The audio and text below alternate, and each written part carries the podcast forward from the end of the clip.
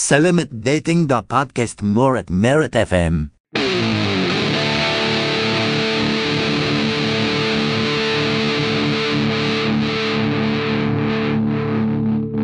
Murad Marit FM. Selamat datang kembali di podcast Murad Marit FM di sore hari yang setengah mendung. Mas aja gue mas. Kita berada di apa jenis tempatnya? di Kampung Sewu Di Kampung Sewu. Di daerah Sungai Bengawan di bantaran ini bantaran jenenge.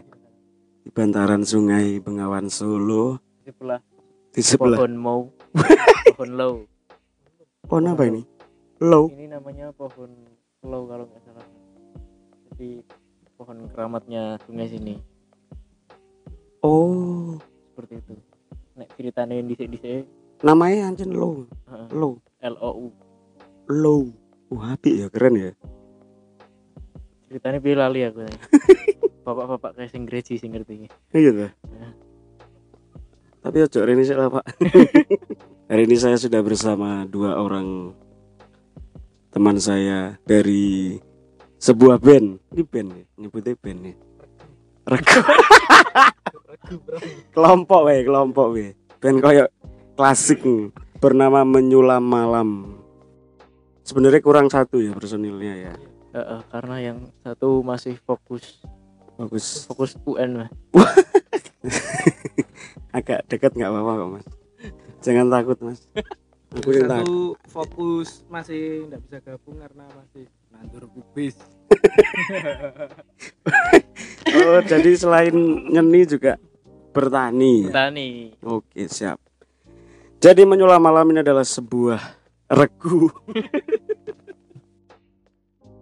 sebuah band yang terbentuk tahun ini. Eh, tahun kemarin. kemarin. Tahun kemarin. Dan sekarang saya sudah bersama dua personilnya yang sama-sama menempati posisi apa, Mas? Back sayap. sayap Mas. karena kita selalu di kanan kiri Wah, cocok. Tahu kanan deh Iya. eh Kagak wajib. Ajak maksa masih gak maksa. Saya sudah bersama Mas Tia dan Mas Adot dari halo. Menyulam Malam. Wow. Ah, nak tepuk tangan ini gini. Oh iya dah. Oh. Guyu malah. Hmm.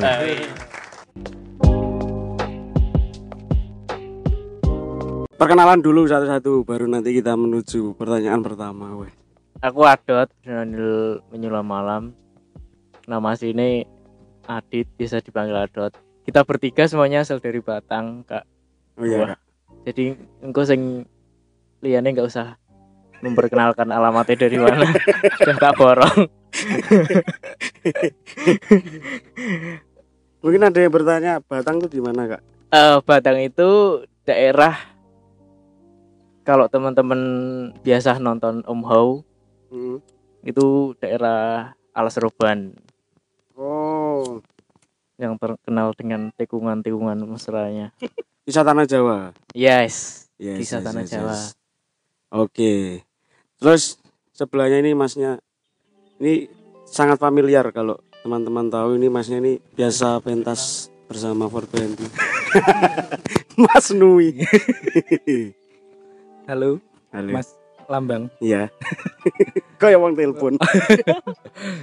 saya Tia Tia di sini ya sama-sama Mas Adot tadi gitar kadang yo kadang yo kadang yo ganteni Adot nek kencan saking sibuknya aku sing kon ganteni you know Iso tinggung ngono ya. iya. Kebetulan sing ngomong mirip Mas Nui ya Gur Mas Lambang Enggak, enggak. Akeh sing ngomong. ya Mas Bonbon alhamdulillah. juga bilang amin mirip. nek nek mirip amin ya tak Iya. rezekine ya amin Amin amin amin. Tinggal cukur gundul aja Mas nanti nek dek gelem karo aku wis tak cukur Mas. Boleh di mention.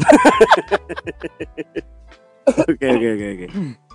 Jadi dua orang ini adalah mungkin secara formal di kampus itu kita beda angkatan. Saya yang paling tua angkatannya dan paling lama kuliahnya.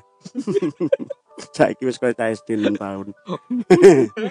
Tapi secara keseharian kita teman sebaya karena saya juga pernah kuliah di angkatan dua orang ini. Dan pernah satu kelas. pernah satu kelas semua. Sekarang saya satu kelas sama Mas Tia. Iya. Tadi saya nggak masuk. Sama kak. tak kira aku tak. Tadi badan saya masih gak enak. Eh sama-sama berasal dari jurusan Karawitan. Jadi mungkin Anda bertanya-tanya kok iso wong Karawitan tapi mainnya ben-benan. Nah, kita langsung pertanyaan yang pertama. Monggo mas, monggo monggo. Ini saya sudah menyiapkan. Aku ki mau isuk raturu nulis sak menit awan. Kuliah malah. Iya, anjen mahasiswa percontohan. Iya, betul. Karena nggak selamanya kuliah itu menentukan nasib kita. Asik. Terus ngopo Aku saya kuliah? Iya. Oke, eh, mungkin bisa diperkenalkan secara singkat. Menyulam malam itu apa? Singkat dulu nanti baru kita beber. Aku singkatnya yang wadut sing dawa. Soalnya biasanya sing biasanya yang bilang atau menjelaskan ini lebih ke adat. Di mana pun itu. Nah, jadi menyulam malam ini apa ya? Ya regu.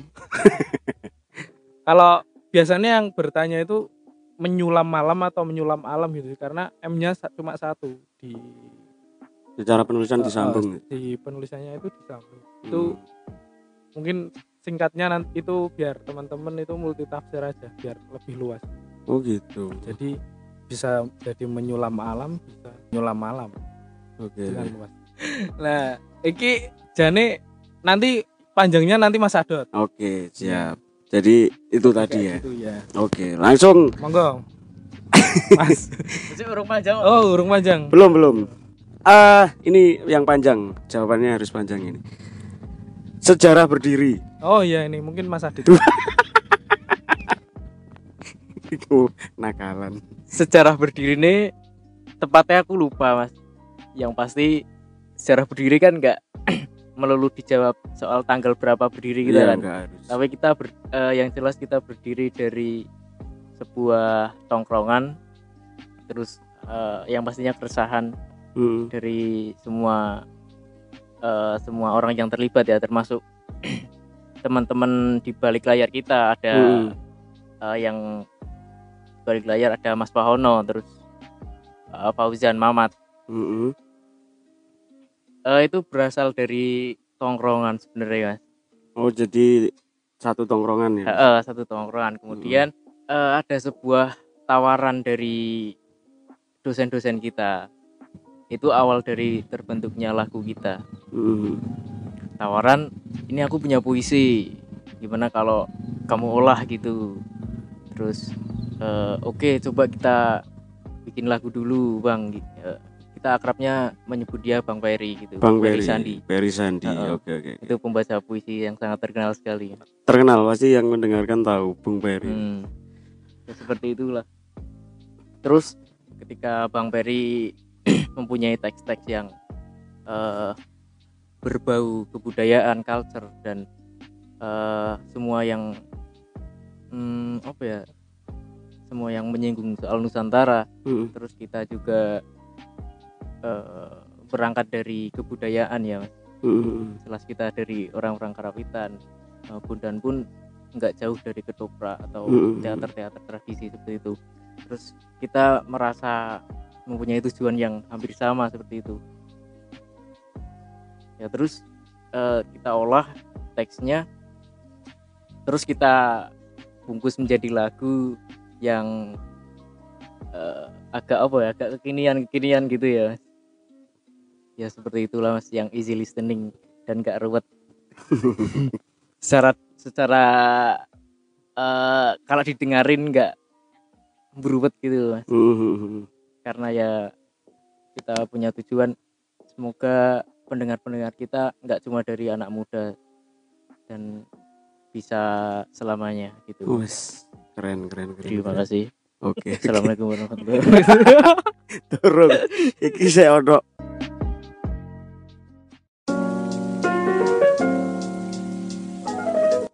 Kita mencoba me- mengulik tentang namanya sendiri tadi sempat disinggung Mas Tia menyulam malam itu penulisannya disambung M-nya cuma satu ya menyulam malam menyulam malam kenapa itu Eh, asal mula namanya dulu baru nanti ke penulisan. Kok bisa menentukan namanya menyulam malam? Jadi secara eh, mungkin penangkapan orang awam ketika mendengar namanya oh ini band mesti band indie. Karena namanya dekat-dekat kayak bara suara malam-malam. sore terus tiga pagi. Nah tiga pagi efek rumah kaca. Jadi nama-namanya itu enggak bukan nama yang ah, ah, bukan nama yang biasa bukan nama yang orang itu jarang mendengar. Itu menyulam malam. Kenapa malamnya disulam? Apa malamnya jebol atau oke silakan. Iya monggo ya. monggo. Mas Tia mas Tia. Eh, untuk pembentukan awal pertama kali pertama kali awal piye iki? pertama kali membentuk nama menyulam malam itu tuh kita nongkrong di sebenarnya kan udah udah ada lagunya mas tapi belum ada nama oh nama lagunya. hmm.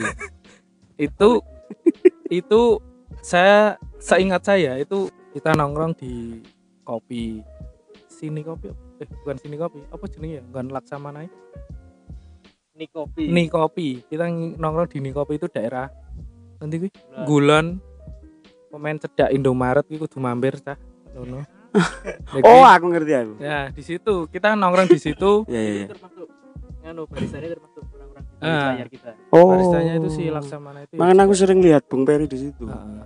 Sing arah rumah Pak Bono itu toh. yes benar Iya, kiri jalan ya. Iya. Oke, terus terus. itu saya nongkrong sama Bondan sama Bang Peri kebetulan Adit itu masih sibuk pembawaan karena karena DE Cakarawitan semester tua. Jadi harus oh iya ratu adik iya. Tua aku ya. Ya, jadi Semester dia ya. belum dia waktu kui nusul nah sebelum sebelum sepakat menyulam malam itu banyak nama-nama mas sing disarankan. Heeh. terus eh, menurut kita semua sepakat itu karena lagu-lagunya itu lebih didengarkan itu- lebih ke malam gitu Betul, ke malam terus bener bener. malah lebih eh, ke sepertiga malam. Wah.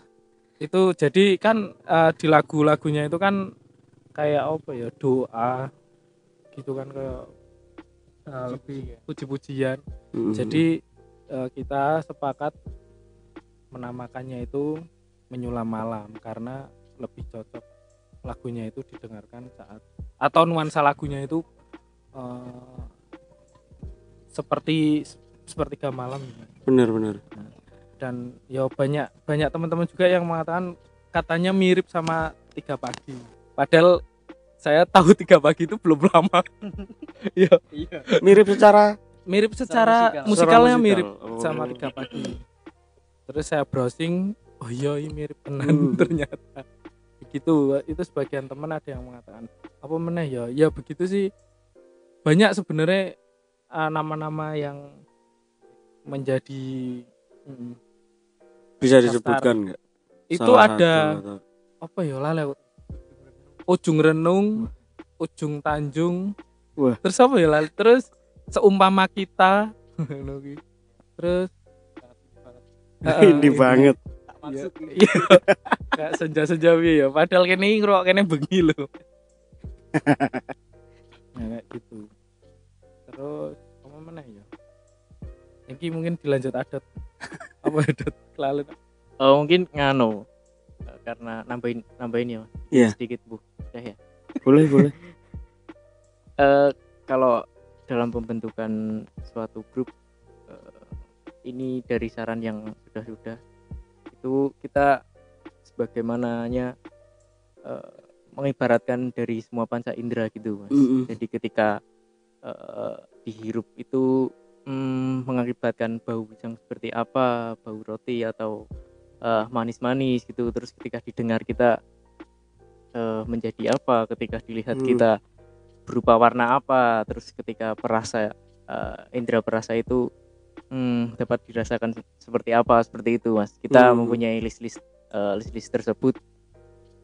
Terus ya itu tadi eh, ketemunya beberapa list nama yang udah jadi. Terus sampai ketemu menyulam malam seperti itu. Terus juga pemilihan eh, yang paling fatal itu menurutku pemilihan huruf konsonal eh, huruf mati itu. Hmm. apa konsonal bener? Konsonan. Konsonan ya? Mhm. lah gue ya. Soalnya eh, huruf huruf mati M N sama Y itu lebih eh, lebih terkesan halus gitu loh nggak Hmm. terkesan di dada terus di leher gitu nggak Mhm. jadi eh, seperti apa ya sing halus-halus ya apa ya sunrise sunrise itu kan Mhm. nggak nggak sangat dark gitu ya Mhm. terus kalau kita berbicara burger kill gitu kan oh. langsung dark gitu rasanya Mhm, betul, betul. Itu kan juga mencerminkan suatu grupnya menyulam Iya seperti sih. itu mungkin Mas. oke oke oke cukup jelas sih mas Oke, mungkin kalau dari malamnya sudah bisa terjelas ya malam. Kalau menyulami sendiri, kenapa menyulam malam? Kenapa enggak merakit malam, menyambung malam atau apa? Kok men- menyulam gitu? kalau menyulami mungkin karena kebiasaan orang-orang jam-jam malam itu kan overthinking ya mas Oh, daripada overthinking mari kita eh, sulami dengan berkarya Wah. dan buat lagu mungkin seperti itu Mas. keren, keren, keren, keren. dan kenapa Sangat filosofis. eh, lebih memilih kata sulam bukan rakit atau yang Mm-mm, lainnya mm-mm. mungkin kalau menurut kita itu kata sulam itu lebih vintage gitu loh Oh, oke. lah ini nanti dijawabnya mungkin nanti Oke, siap, siap, siap, siap, siap, siap. nggak bisa ya moga, moga, moga.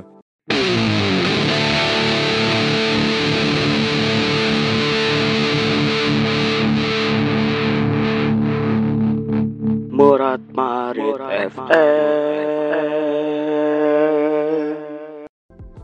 Genre yang diusung oleh Menyulam Malam dan sebenarnya Menyulam Malam ini mainnya di ranah apa? Ya. Dari segi eh, genre terus dari segi market yang diincar. Tadi mungkin sudah disinggung nggak hanya ingin didengarkan anak muda tapi yang kalau bisa yang tua juga mendengarkan. Tapi mungkin bisa dijelaskan lagi dari genre yang diusung dulu terus mainnya di ranah apa, marketnya apa. Mungkin kalau genre nanti Mas Adit saya men- menyinggung saya menyinggung ke apa ya? Seperti sebenarnya bukan incaran market sih Mas, tapi Hmm. lebih ke apa ya? uh, Kita itu tetap mungkin ndak ndak cuma kita ya, tapi mungkin terbentuk suatu grup dengan karya yang sudah dibuat itu.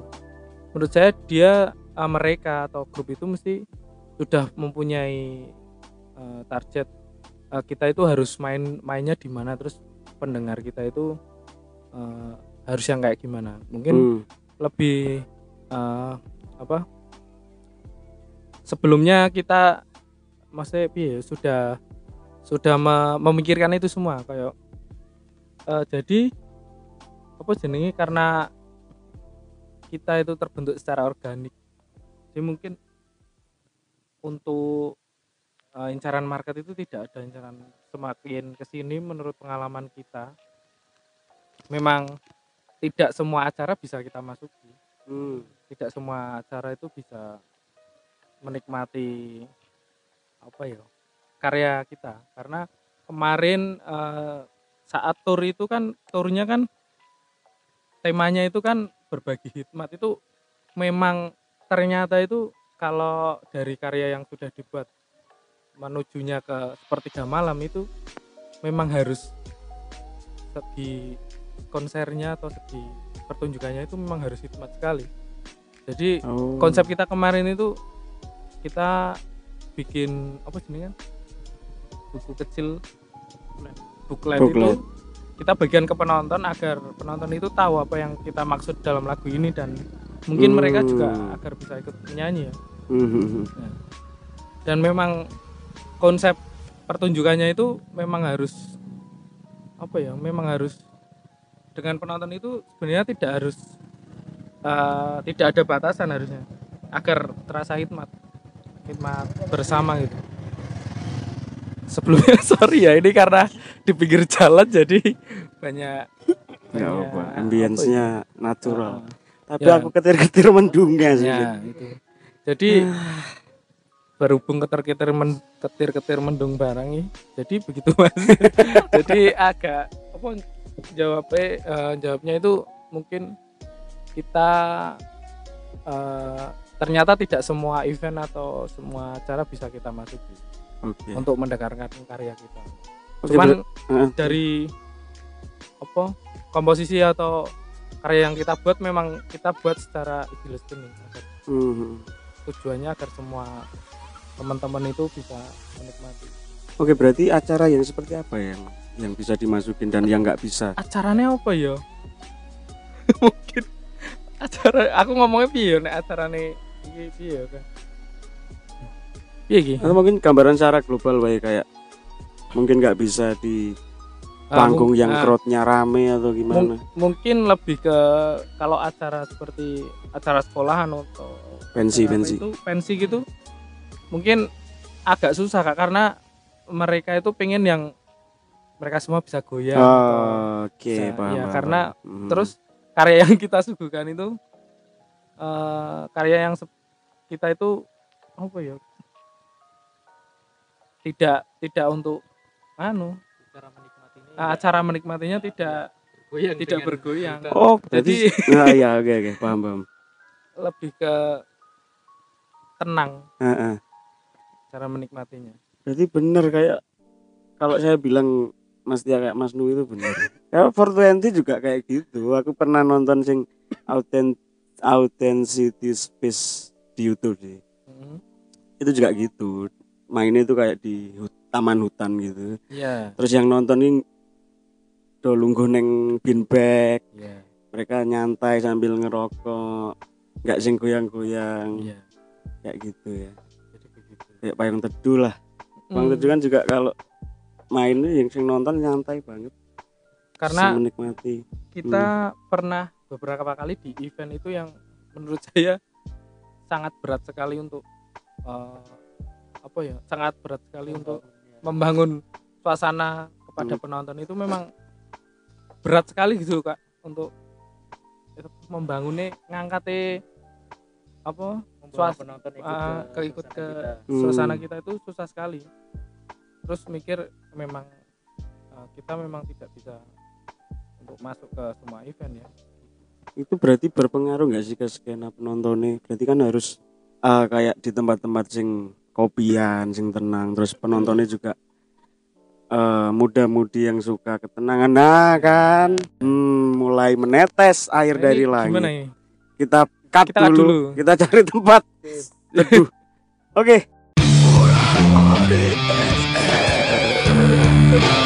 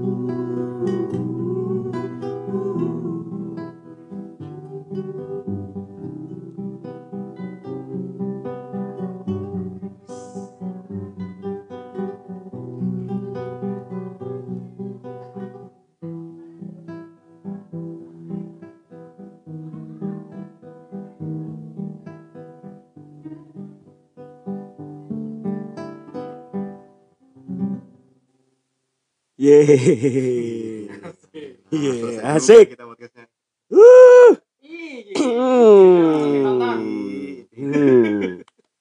Akhirnya setelah kemarin terputus, Ya. akhirnya kita bisa melanjutkan lagi Tech Podcast bersama Menyulap Malam.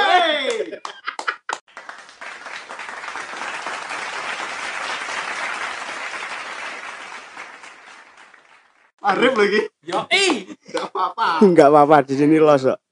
Oke.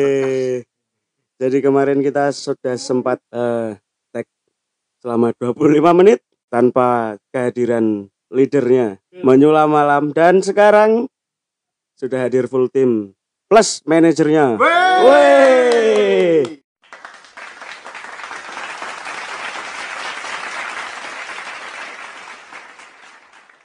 Disponsori oleh apa nih? Ini ada ada pokoknya. Eh, masuk boleh loh ya. kita juga live di Instagram apa Instagramnya siapa? Iya. Inti Sanubari. Oke, hari ini kita melanjutkan tag yang tertunda kemarin karena dipenggak Gusti Allah. Hujan ya? Hujan nggak? Kemarin tuh sudah 25 menit ya. Di mana kemarin aku lali? Kampung Sewu di belantaran Sungai Bengawan Solo. Belakang pohon low disaksikan bocil-bocil dan bapak-bapak yang mancing. Dan sekarang kita sudah kehadiran full tim menyulam malam. Kemarin kita cuma bersama dua gitarisnya Mas Nui dan juga dan Mas Adot. Sekarang kita kehadiran Mas Bondan sebagai vokalis Wey. dan Kak Wahono sebagai manajer. Dan elok. Ini spesial banget loh. Nangis aku. Hmm, Dengerin kan? Efek nangis sama. nggak ada ya. Ini udah berapa orang ikut yang gini? Wah, Podcast kui apa? Murat Maret. Oh iya lu. kemarin Mahruf Amin. Pada ke. Kita melanjut pertanyaan yang sudah saya rangkai kemarin itu sampai di genre yang diusung dan bermain di acara apa, marketnya di mana gitu kan. Dan kemarin untuk pertama kalinya saya mendapat kesempatan nonton secara langsung, beh, terenyuh banget. Dan aku sempat meh kecewa loh lagu favoritku nggak dimainkan. Iya itu. Akhirnya dipaksa main dan wah meriah sekali. Kemarin menyelam malam habis main di Surakarti di event gerilya monolog dan sekarang mereka gantian main ke rumah saya, ke kontrakan saya. Setelah mencari jadwal yang sangat sulit karena kita disibukkan dengan loro. Iya itu. Gantian nggak kemarin aku baru sembuh. Oke. Eh kita langsung ke pertanyaan berikutnya. Ini bernilai 100 juta. Kuyun tau gak?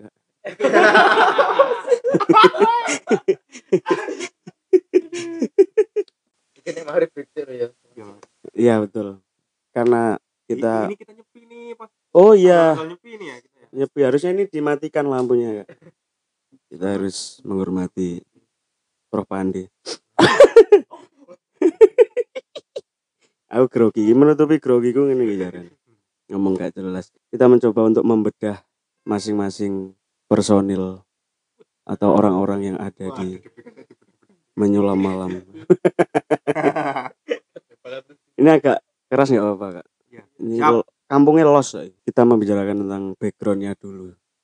Background dari masing-masing personil ini karena eh, tiga-tiganya ini adalah mahasiswa tua. Mahasiswa di isi Surakarta dan berasal dari background keilmuan yang berbeda gitu ya. Dua gitarisnya itu ternyata adalah seorang pengrawit. Dan vokalisnya adalah seorang aktor. Amin. dan mungkin orang bertanya-tanya ya kok iso pengrawit dan aktor bergabung menjadi satu terus menjadi sebuah band gitu. Itu kan melintangnya sangat lumayan jauh mungkin pertanyaannya adalah yang pertama bagaimana caranya menggabungkan ketiga isi kepala yang berbeda-beda sebenarnya enggak tiga tok ya banyak ya dari manajer juga terus dari kayak anu sapa Em, sapa jenenge lali aku. wong, wong Jember Mamat. Mamat itu apa masuknya? Mas? Additional. Iya, itu tukang sulap yang menyelam malam. Iya tukang sulap. Nah, itu kok iso diarani tukang sulap. Oh. Enggak soalnya anu bisa menyulap jadi api kan loh audionya. Oke, oke. Menyatukan tiga isi kepala yang berbeda. Ya, meskipun satu tongkrongan kan pasti punya perbedaan prinsip, perbedaan Mm-mm. cara pandang terutama di musik gitu. Pasti kan karakter yang beda-beda terus referensi musiknya pasti juga beda. Mas Tia dengan background pangnya yang luar biasa. Ini mungkin dijawab si Oke, lempar-lemparan dimulai. Yuk. dijawab sama Mas Bunan Panubari. Eh. Bunan Sanubari astagfirullah. Tipu. Tipu, tipu. Sorry, sorry.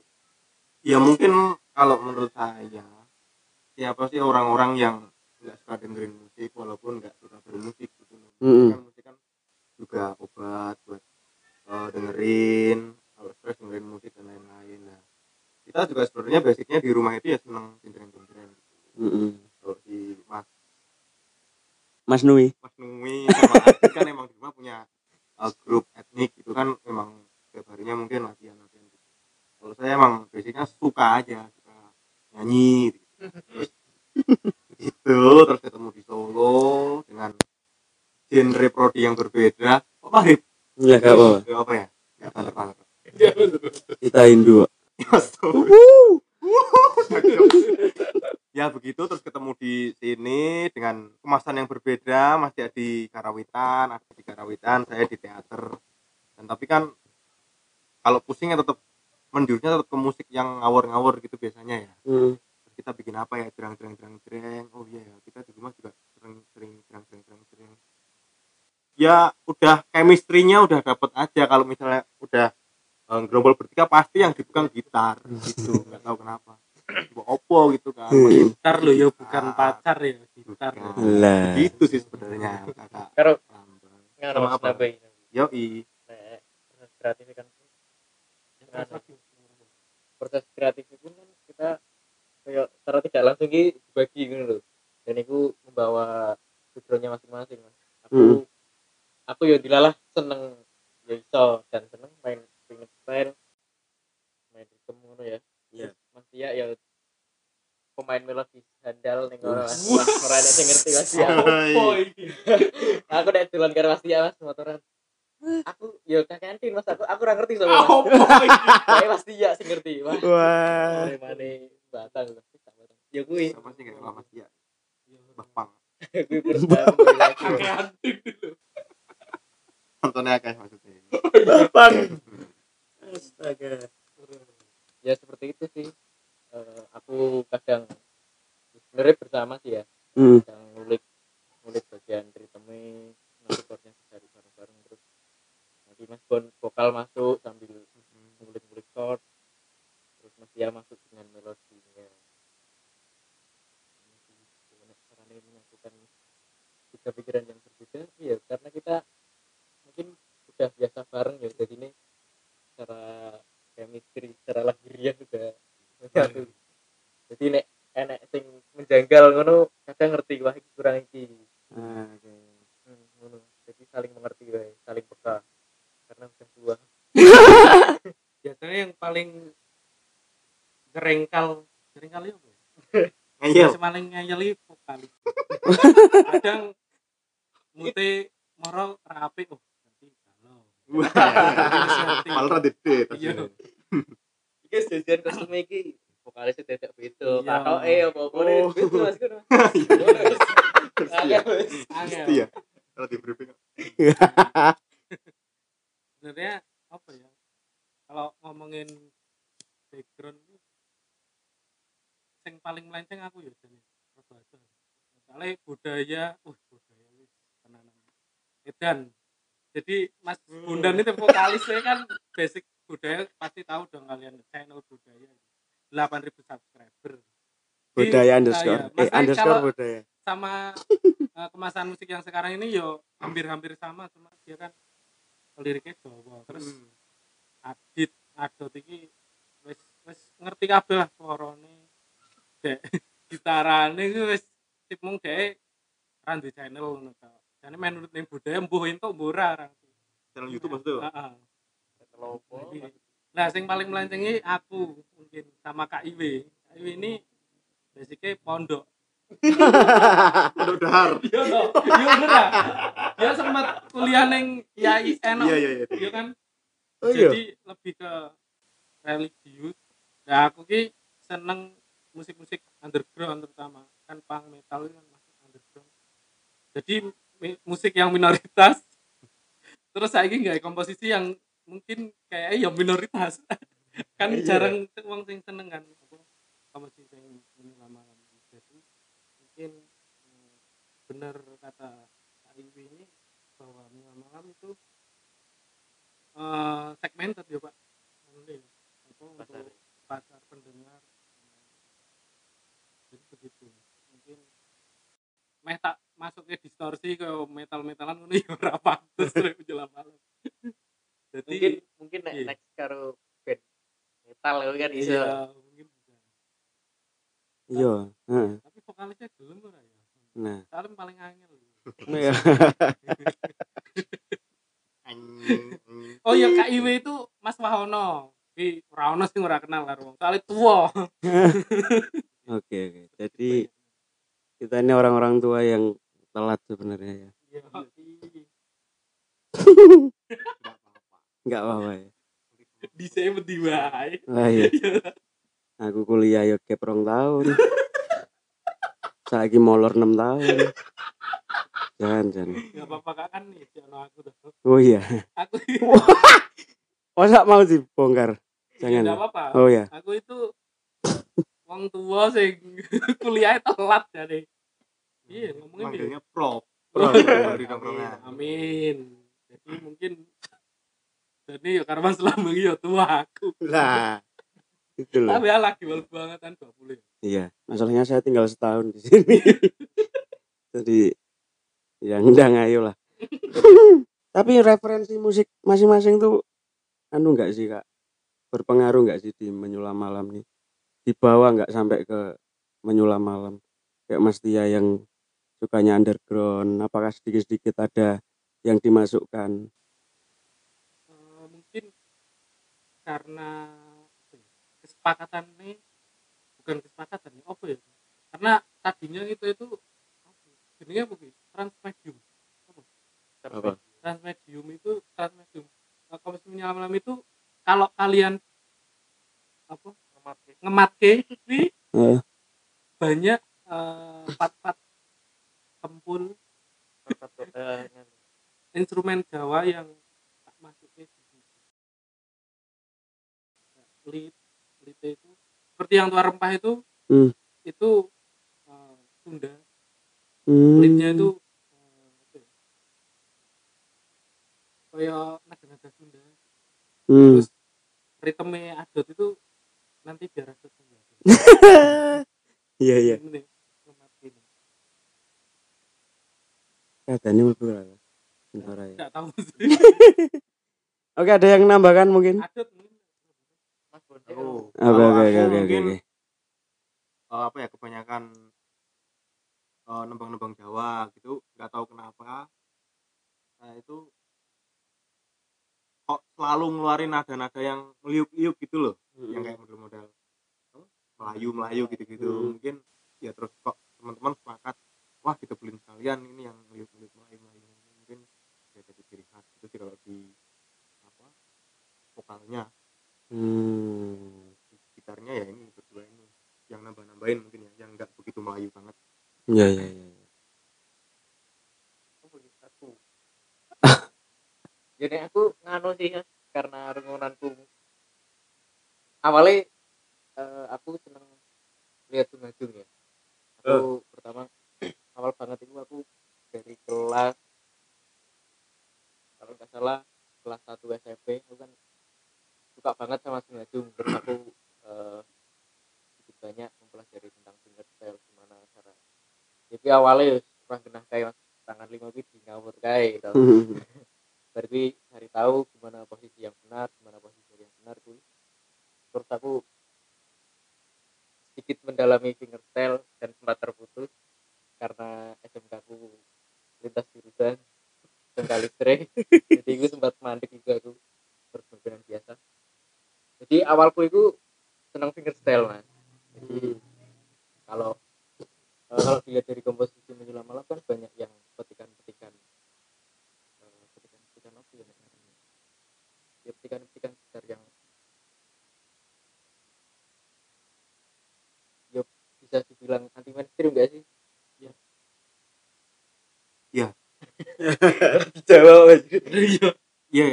ya wis ngono kuwi dan Iya. berhubung background aku ning kene sekolah kerawitan jadi banyak banyak aku menggunakan studi studi kerawitan tak masukin ke seperti eh, pola-pola paduan kempul dan kenong itu sedikit banyak tak masukin mas nek tinggal verse di lagu eh iki ding oh sing iya. Iya.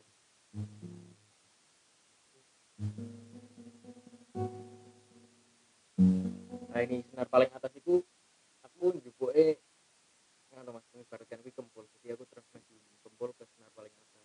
Terus senar paling bawah itu tak transmisi kenong jadi ada beberapa nek wong Jawa kan ngarani seleh berat nih ya. Iya iya. Ketika seleh berat kuwi kenong dan kempul kan biasanya eh kenong dan gong. Hmm. Kan bareng toh. Hmm. Lagu ning kono aku eh, permainan. Gitarku ya bareng. Hmm. atas dan bawah itu bareng jawabannya rada kurang kena iki. Ini dicampur campur aduk dari Mas Yasin ngono kuwi habis lagu yang melayu-layuan jadi iya. Coba gimana eh, jadinya musiknya ya musiknya amat sih oke sudah? Sudah sudah. Sudah sudah sudah sudah. oke langsung kita ke kita coba untuk sok-sokan membedah sedikit tentang karya-karya. Terus tahu iki. tadi kan sudah Iya. sedikit disinggung. Boleh. karena saya itu baru tahu ya baru tahu menyelam malam itu kapan ya lali aku? Tak pikir tuh baru baru single satu dua single gitu. Ternyata sudah album. Bener nggak? Iya. Iya. satu album tuh berapa lagu tuh kemarin? Kemarin tuh satu album nggak? Apa kurang tiga kurang satu. Kurang satu. Berarti delapan eh Delap- sembilan lah. Kemarin kan tujuh eh ada tujuh tuh kalau albumnya sendiri diberi judul apa kak? Albumnya sendiri dibagi diberi judul berbagi hikmat Oh iya itu. Saya termasuk orang yang bertanya-tanya itu berbagi khidmat tuh apa itu? Ya berbagi hikmat jadi kemarin kan sempat dibawain juga kan di Solo maksudnya keliling Solo gitu. Nah, ternyata eh, teman-teman tuh kok mendengarkannya hikmat sekali gitu loh ini nggak musik yang dijogetin dan terus kok dilihat sama bener-bener ngeliatin gitu loh kayak lomba gitu loh kita tuh kawan lomba. Berarti kayak dinilai gitu loh. Eh, nah mereka kok hikmat sekali gitu. Nah kemarin sempat ada yang komen juga ya ini juga eh, apa ya saya juga belajar juga ternyata kalau bernyanyi sambil ngerokok itu dipandang itu kurang bagus gitu loh. Tapi entah kenapa kok feel saya itu sama ngerokok gitu loh. Hmm. dapet itunya feelnya gitu ya begitu kalau menurut saya sih begitu berbagi hikmat ini ada yang nambahin teman-temanku iya no Iya. Kak iya. manajer aduh Kak manajer monggo. Halo, selamat sore. Eh, oh ya, perkenalkan nama saya Wahono. Kalau di menjelang malam sebutnya Iwe. Ivan Wahono. Sebenarnya bukan manajer sih, tapi lebih ke temen berkarya aja. Kayak nyediain kos-kosan buat latihan. Listrik gawe latihan gawe sone kan. Butuh konsumsi. ora ora tahu ngurus duit pastur Iya, Dik. ya. Golek neling ah. pengen bocah-bocah untuk judul album tadi eh, kenapa berbagi hikmat? Ya karena ini tadi sudah disinggung persoalan lagu-lagunya memang segmented arti segmented di sini. Eh kalau kita ngedengerin dangdut kendang kempul itu semua kalangan juga walaupun lagu sedih terus dikendang kempulin dijogetin semua bisa mendengarkan. Tapi untuk peno- eh, untuk karya-karya menyulam malam ini memang di mana kalau lagu ini penontonnya oke kita yang atur gitu kita yang milih gitu. Biar eh, penonton ini yang terseleksi oleh lagu-lagu kita. Siapa yang bisa bertahan di situ oh ya berarti ini itu loh pendengar kita. Nah itu segmented itu artinya. Terus kenapa berbagi hikmat? Ya karena apa ya eh, lagu ini di kalau aku yang ngerasain ini bukan di melo sebenarnya. Tetapi di mana lagu ini untuk sebuah perenungan nah seperti disinggung apa belum ya kemarin? Karena aku baru hadir di sini. nah di karya-karya ini sebenarnya tertulis tentang sejarah. Nah kita nyepakati pada awal pembentukan karya-karya kita karya-karya kita di album berbagi hikmat ini sebagai splitter. Splitter kalau di elektronik kan buat gabungin dua elemen jadikan satu. Nah Hmm. itu kan. Nah atau menjadi membagi. atau arus dan lain-lain. Nah lag- karya-karya menyulam alam ini juga eh sebagai splitter di mana lirik-lirik berceritakan tentang sejarah tentang eh, rempah-rempahan tentang eh, banyak lah gitu. Percintaan juga bisa. Nah splitter apa pun itu bisa eh, yaitu eh, hak penonton ya untuk menilai kita. Tapi kita pada awal mula karyanya memang sebagai splitter. Bagaimana anak muda sekarang bisa mendengarkan bisa dikabarkan oleh karya-karya menyelam alam tentang sejarah-sejarah dulu tentang eh, apa Trawulan tentang kota lama tentang anu. Nah entah mau dibawa ke cintanya mau dibawa anu itu untuk penonton ya. Kita sebagai pengkarya eh, kita itu sih sebenarnya berbagi hikmat kenapa terus sebagai splitter apa eh, mungkin seperti itu. Hmm. Wow. sebenarnya ini yang benar. mm-mm. cuman ini percintaannya ya juga cintaan sejarah Iya, punya sejarah. Kau, kau ya? kau kau Kau. Kau itu tentang percintaan. Jadi ada Oh. eh, penulis sebenarnya ada sendiri, Hmm. bukan kita. Eh, ada Ferry Sandi sebenarnya yang apa menulis karya-karya ini. Gitu. Kita hanya menempel, bukan menempelkan, kolaborasikan dengan apa background-background kawan-kawan di sini tadi. Ya sama, background Adit tadi yang apa yang dijelaskan Mas eh, Mas Tia apa Mas Noy siapa sih? Eh, Nui, Nui. Nui. Background dan apa? Terus ini ada karya nih. Cara bareng-bareng. Ya, simulasi kecil sebenarnya kalau ada kok eh di apa ya? Pengantar sajian di tour kemarin yang ke barat itu ini sebagai simulasi kecil kerja kolaborasi antar lintas disiplin hmm. untuk eh, mengabarkan sejarah itu dengan segar. Oh. Kalau sekarang kan segmennya kawan-kawan kita lihat eh, fenomenanya kawan-kawan di Indonesia itu masih tahun 2019 2018 rasanya itu keluar Ari Reda, Ari anu kan di situ. Musik-musik yang awalnya itu keras-keras 2015-an sampai 2017-an ya keras-keras ya reggae terus habis itu eh, musik-musik yang bisa dijogetin terus 2018 kayak 2019 itu mulai turun gitu. karena mungkin e, fenomena itu terjadi karena udah capek ya orang-orang gitu. dari gerak kita aja kalau kerja gitu kan kerja keras habis itu kan butuh istirahat nah. Oh. segmen-segmen musik ini hadir untuk e, apa ya menyamai atau menemani eh, emosi itu emosional itu Nah, tetapi tentu dari sebuah karya kawan-kawan menyulam malam ini juga apa nih? Iya, eh, kiblatnya mungkin Ari Reda sama 420 lah gitu, paling marak gitu. Apa yang menjadi pembeda? Ya pembedanya ya ini tadi dari background-background kawan-kawan. Gitu Mas kira-kira. Udah tenan. Wedah tenan nih. Keren. Sebenarnya gak usah udah personal kayak biasa.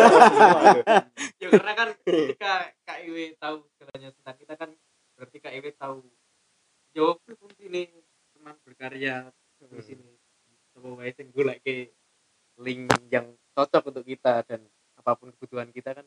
Iwi harus sangat mengetahui itu Wah.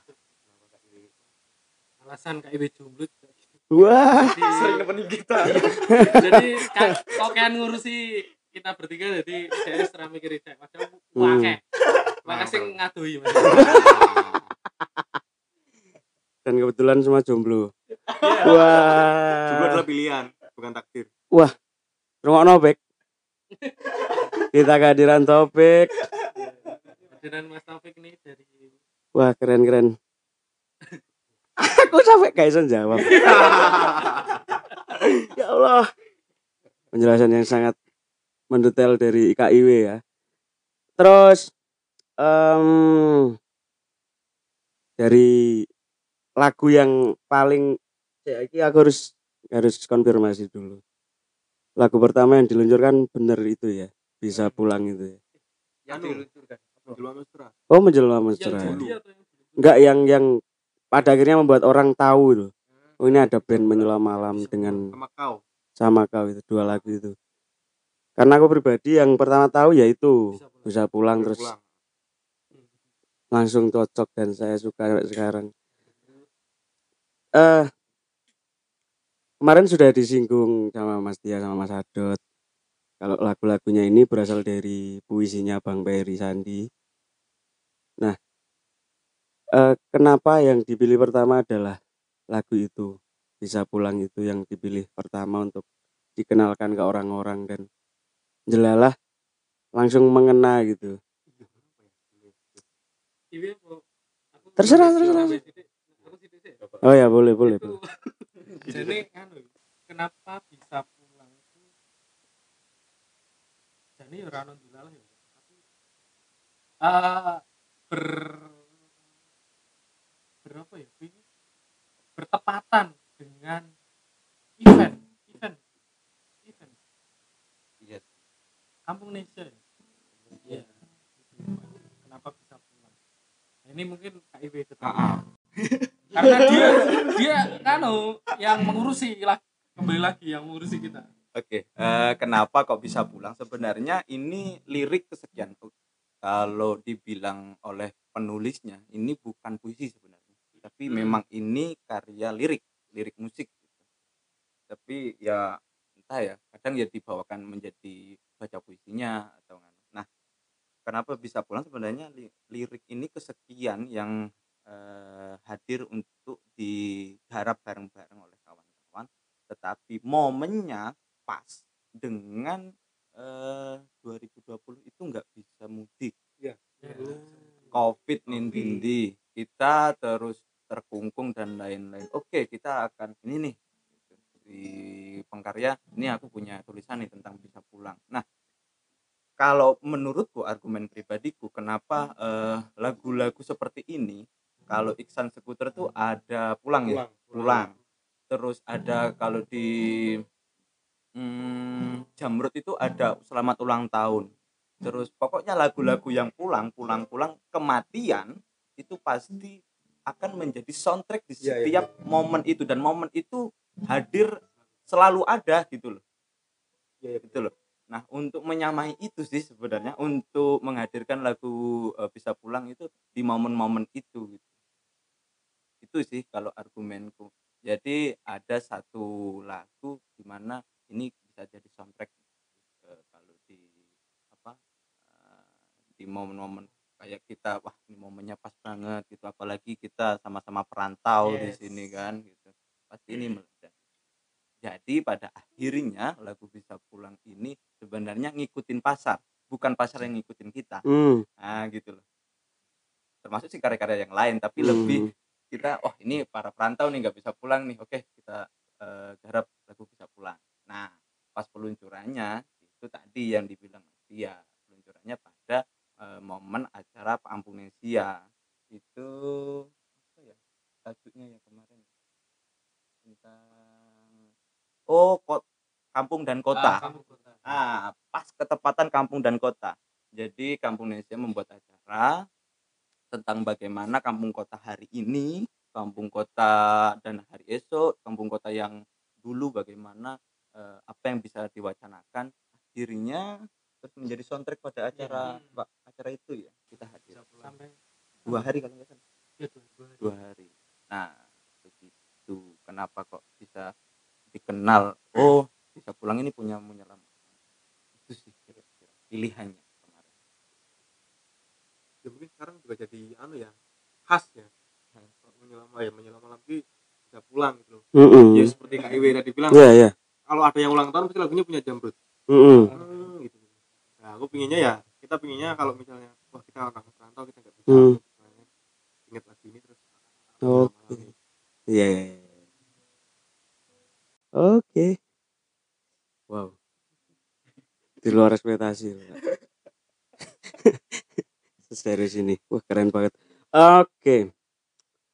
Kemudian eh kesulitan standar banget tapi aku pengen ngerti sih kesulitan yang dialami dalam perjalanan menyelam malam ini sudah berapa tahun? Sudah satu tahun. Udah. Setahun. Oh meh meh Hampir. Oke. Hampir satu tahun ini kesulitan yang dialami apa dalam perjalanannya gini maksudnya kita kan sama-sama ada di sebuah apa ekosistem yang lebih banyaknya itu orang-orang tradisi. Kita katakanlah kita itu ada di kota yang yang dijual itu wayang karawitan ketoprak semua yang berbau tradisi. Dan kemudian teman-teman ini membuat sebuah apa istilahnya kemasan yang yang sebenarnya kalau dilihat secara awam ya ini beda banget gitu loh. It- eh, masuk di industri yang mungkin industrinya yang musik cuman eh, wadahnya itu kita ada di ekosistem yang satu nanggap wayang siji nanggap ketoprak gini gitu gitu udah kesulitan untuk tetap bertahan di Solo itu dengan dengan ekosistemnya yang lebih kental dengan tradisi itu tadi apa? mungkin ke sasarannya kan juga teman-teman yang eh, milenial lah ya Hmm. teman-teman sekarang juga ini kan menjelang malam kan apa namanya sasarannya ke coffee shop. Kemarin di Surakarta gitu, Hmm. terus apa ya ya berusaha untuk bawa ya itu tadi kayak musiknya Adit kan apa kolaborasi antara apa musik-musik eh, gamelan dan lain-lain nah kita mencoba untuk apa menggabungkan itu biar apa ya tradisi itu sekarang tidak dianggap kuno lagi gitu bisa diaransemen Hmm. seperti itu juga gitu. apa ya ngomongin kok bingung ya anu apa? apa ya Eh, kalau dibilang Solo itu eh, akarnya tradisi kalau kita anggap tradisi itu bahwa wayang yang punya pakem untuk dilestarikan kayaknya enggak. Karena juga tadi eh, argumen dari Mas Bondan dan Mas Cak, kayaknya bukan itu bukan kesulitan gitu karena di Solo itu sangat kompleks sebenarnya kalau kita mau nyari tinggal mau memposisikan di mana. Hmm. kalaupun memang pasar kita atau segmen menyulam alam ini bukan di ranah itu ya memang kita punya pasar sendiri. Segmennya memang sendiri. Kita mau nyari apa gitu di sini? Sangat kompleks. Peristiwa-peristiwa besar di Indonesia awal mulanya juga di Solo. Hmm. 9865 Hmm. orang-orang besar berasal dari Solo. Apa yang kurang atau yang nggak ada di Solo gitu. 98 apa? UN iya. gejolak pertama. Berarti kan bukan persoalan ini mana tradisi gitu. Tapi mana kita memposisikan di mana? Wiji Tukul di sini. Yeah. ya kan? yeah. dan dia juga membawa teater-teater yang bukan tradisi sebenarnya. Kalau kita terisi lagi di Wiji Tukul ya, puisi puisi puisi yang bukan tradisi atau keguritan bukan? Tapi memang perlawanan. Dan itu hadir di Solo. Tinggal di ke mana kita mau mau mau memposisikan diri. Gitu sih. Eh, makanya tadi Mas Bondan saya kira juga Adit mungkin bukan kesulitan ya tapi bagaimana kita menempatkan. Nah ya kan sih ya? Iya, dan bagaimana kita anu, mem- memanfaatkan itu kesulitan bagaimana kita harus memanfaatkan kesulitan itu menjadi keberuntungan kita apa ya ngomongnya? Ya. Sebuah kesempatan. Ya nek. Apa? Nek. Ya pinter-pinter bagaimana kita mencari celah di dalam kesulitan itu mas. Jadi ketika